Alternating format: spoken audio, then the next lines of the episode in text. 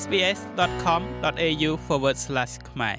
នៅក្នុងវេទិកាផ្លាស់ប្តូរព័ត៌មានដែលរៀបចំដោយវិទ្យុ SBS រវាងមេដឹកនាំក្នុងសហគមន៍ម្ចាស់អាជីវកម្មក្នុងតំបន់ព្រមទាំងបេក្ខជនឈ្មោះឈ្មោះនៅក្នុងតំបន់ដើម្បីឆ្លើយសំណួរផ្សេងផ្សេងទាក់ទងទៅនឹងគោលនយោបាយដែលគណៈបកឈ្នះឆ្នោតត្រូវអនុវត្តអ្នកស្រីស៊ីណេតអាជីវករដែលមានអាជីវកម្មមួយចំនួននៅទីក្រុង Melbourne បានស្នើឲ្យគណៈបកជាប់ឆ្នោតក្រោយនេះ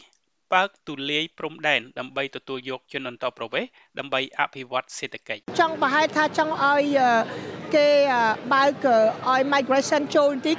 សម្រាប់ឲ្យដូចថាព្រោះសេដ្ឋកិច្ចអូស្ត្រាលីបើអត់មាន migrant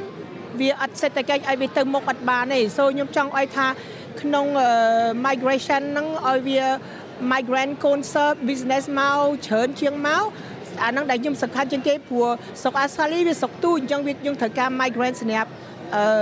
grow សេដ្ឋកិច្ចលោក Julian Hill សមាជិកសភាសហព័ន្ធពីគណៈបក Labor និងជាបេក្ខជនឈរឈ្មោះឡើងវិញនៅតំបន់ប្រុសបានថ្លែងប្រាប់ SBS ថាគណៈបក Labor នឹងលើកកម្ពស់សេវាកម្មអន្តោប្រវេសន៍ ពាក្យបណ្ដឹងច្រើនជាងគេបំផុតនៅក្នុងការិយាល័យតំណាងរាស្ត្ររបស់ខ្ញុំគឺភាពយឺតយ៉ាវក្នុងការចេញទិដ្ឋាការ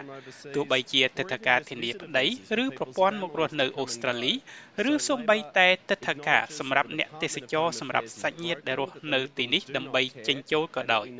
គណៈបក Labor ទទួលស្គាល់ថាក្រសួងអន្តរប្រវេសន៍បំពេញការងារមិនល្អហើយគណៈបក Liberal ដែលដឹកនាំរដ្ឋាភិបាលបច្ចុប្បន្នមិនយកចិត្តទុកដាក់ហើយយើងត្រូវតែលើកកម្ពស់ប្រព័ន្ធវេតម្លៃផ្ដល់ទិដ្ឋាការរបស់យើងចំណែកលោក Matthew Kerwin បេក្ខជនឈ្មោះឈ្មោះនៅតំបន់ប្រុសមកពីគណៈបក Green ក៏បានសន្យាផងដែរថានឹងផ្ដល់ធនធានឲ្យបានគ្រប់គ្រាន់ដល់ក្រសួងអន្តរប្រវេសន៍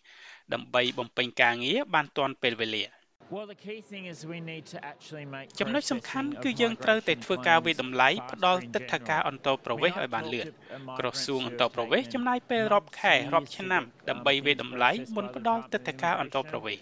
ម្យ៉ាងវិញទៀតនៅពេលគេបានសិទ្ធនឹងដាក់ពាក្យសុំចូលសញ្ជាតិគេនៅតែចំណាយពេលច្រើនទៀតមុននឹងបានចូលសញ្ជាតិ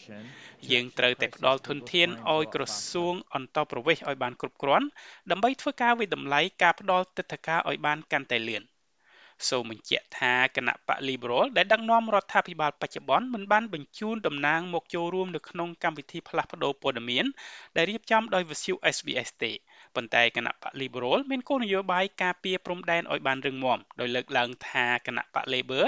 ទទួលបរាជ័យតាក់ទងនឹងការការពារព្រំដែនដោយអនុញ្ញាតឲ្យមានពលរដ្ឋឆ្លងដែនតាមទូកជាច្រើនម៉ឺននាក់និងបណ្ដាលឲ្យមានមនុស្សស្លាប់ ពេលធ្វើដំណើរតាមទូកនិងការឃុំឃាំងមនុស្សជាច្រើនអ្នកដែលធ្វើឲ្យរដ្ឋាភិបាលចំណាយរហូតដល់17,000លានដុល្លារចំពោះបញ្ហាលំហូរចូលអន្តរប្រវេសន៍ខុសច្បាប់នេះគោលនយោបាយប្រកបដោយប្រសិទ្ធភាពរបស់គណៈបក Liberal រួមមានការបើកការិយាល័យវេតម្លៃផ្ដល់ទិដ្ឋាការនៅតាមតំបន់ការផ្ដល់ទិដ្ឋទិដ្ឋាការការពារដែលអាចការពារការជួញដូរមនុស្សនិងការឲ្យទូកត្រឡប់ទៅប្រភពដើមវិញបើមានសុវត្ថិភាពនៅពេលចូលអូស្ត្រាលីខុសច្បាប់ សូមបញ្ជាក់ថាការបោះឆ្នោតសហព័ន្ធដែលនឹងរៀបចំធ្វើឡើងនៅថ្ងៃទី21ខែឧសភាចុងសប្តាហ៍នេះក្រៅពីមានគណៈបកធំធំចំនួន2គឺគណៈបក Liberal ដែលជាគណៈបកដឹកនាំរដ្ឋាភិបាលចម្រុះជាមួយគណៈបក National និងគណៈបក Labor ដែលជាគណៈបកប្រឆាំងក៏មានគណៈបកមួយចំនួនទៀតដូចជាគណៈបក Green United Australia Party និងបេក្ខជនឈ្មោះឈ្មោះឯករាជ្យជាច្រើនអ្នកផ្សេងទៀត ចុច like share comment និង follow SPS ខ្មែរនៅលើ Facebook